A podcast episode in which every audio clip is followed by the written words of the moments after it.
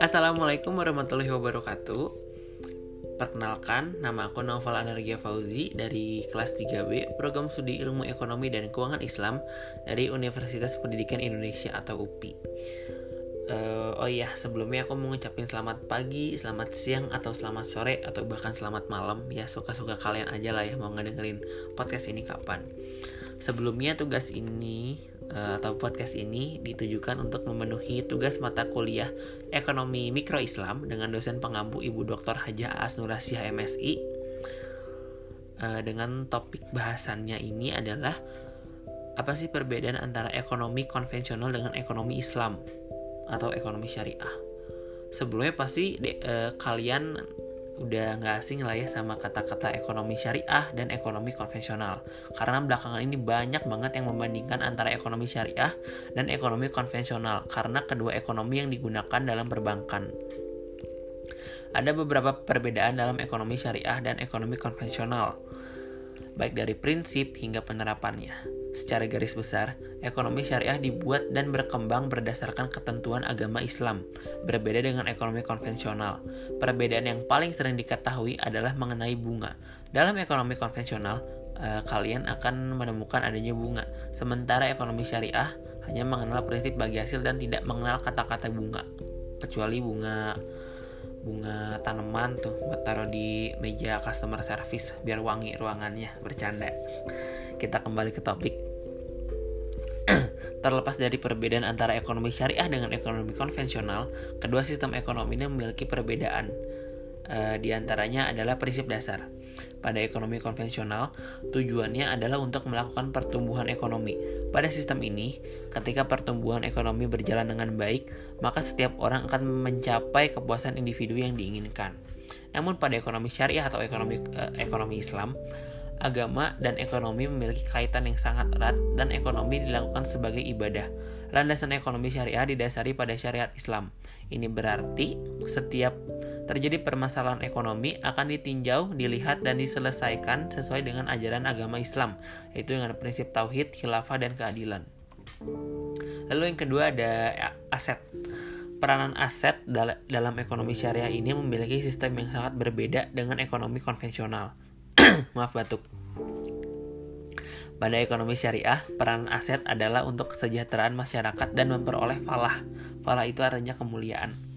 Ekonomi syariah menjamin kepemilikan masyarakat dan penggunaannya itu digunakan untuk kepentingan orang banyak.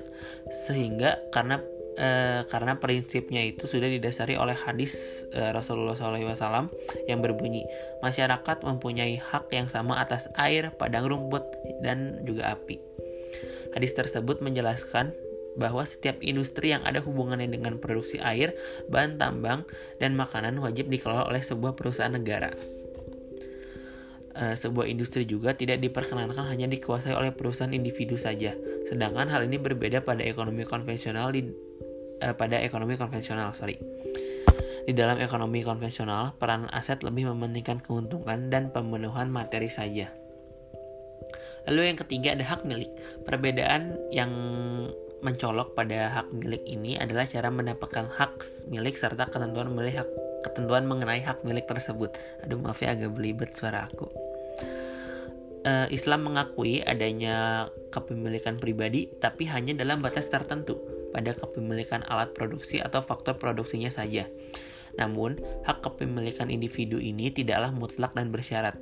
Dalam Islam, kepemilikan individu dibatasi oleh kepentingan masyarakat luas, sehingga jika sebuah negara menginginkan suatu aset tertentu, maka pemilik aset tersebut harus melepaskannya. Hal ini sejalan dengan prinsip yang terkandung dalam syariah yang menyatakan bahwa kepentingan masyarakat luas harus diprioritaskan dalam kepentingan individu adalah nomor dua. Contohnya bagaimana? Contohnya adalah kayak PT PLN, PT Telkom, lalu ada uh, eh, PDAM itu kan menyangkut kepentingan orang banyak. Contohnya PDAM tentang uh, air minum, PLN tentang listrik dan juga Telkom itu kan telekomunikasi ya. Jadi uh, jaringan kayak jaringan internet telepon itu dikuasai oleh tel bukan dikuasai dipegang oleh Telkom Maka dari itu, ketiga perusahaan tersebut akhirnya menjadi badan usaha milik negara karena menyangkut hajat hidup orang banyak. Asik. Lalu yang keempat ada perbedaan investasi. Pada ekonomi syariah, perbankan syariah atau lembaga keuangan syariah akan meminjamkan dananya sebagai bentuk investasi apabila usaha yang dijalankan baik dan halal. Sedangkan dalam perbankan konvensional, seseorang boleh mengajukan pinjaman dan mendapatkannya selama usaha yang dijalankan sesuai dengan hukum yang berlaku. Lalu yang kelima ada pembagian keuntungan.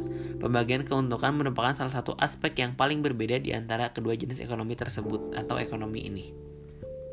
Dalam memperoleh keuntungan, ekonomi konvensional menerapkan sistem bunga. Pada ekonomi konvensional, sistem bunga tetap mengembang. Sistem bunga tersebut diaplikasikan adalah dalam sebuah pinjaman yang diberikan kepada nasabah.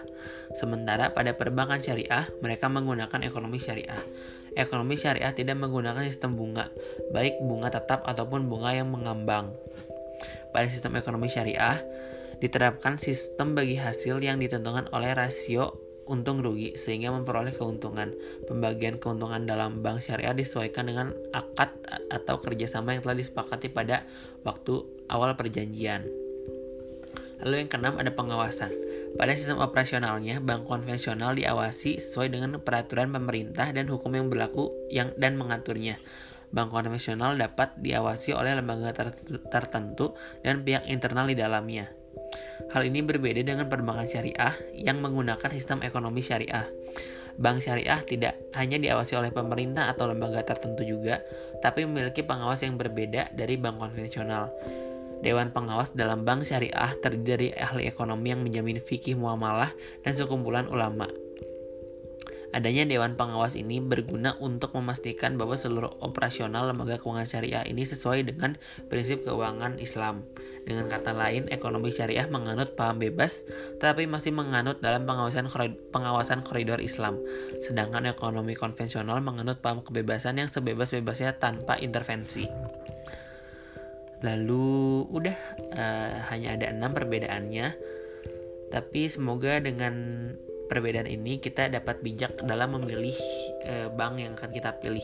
Apakah kita akan menggunakan ekonomi konvensional atau menggunakan ekonomi syariah? Seperti itu. Cukup sekian dari Noval e, mohon maaf bila ada kesalahan dalam pengucapan kata. E, bila taufik wal hidayah. Wassalamualaikum warahmatullahi wabarakatuh. Sampai jumpa di podcast selanjutnya. Dadah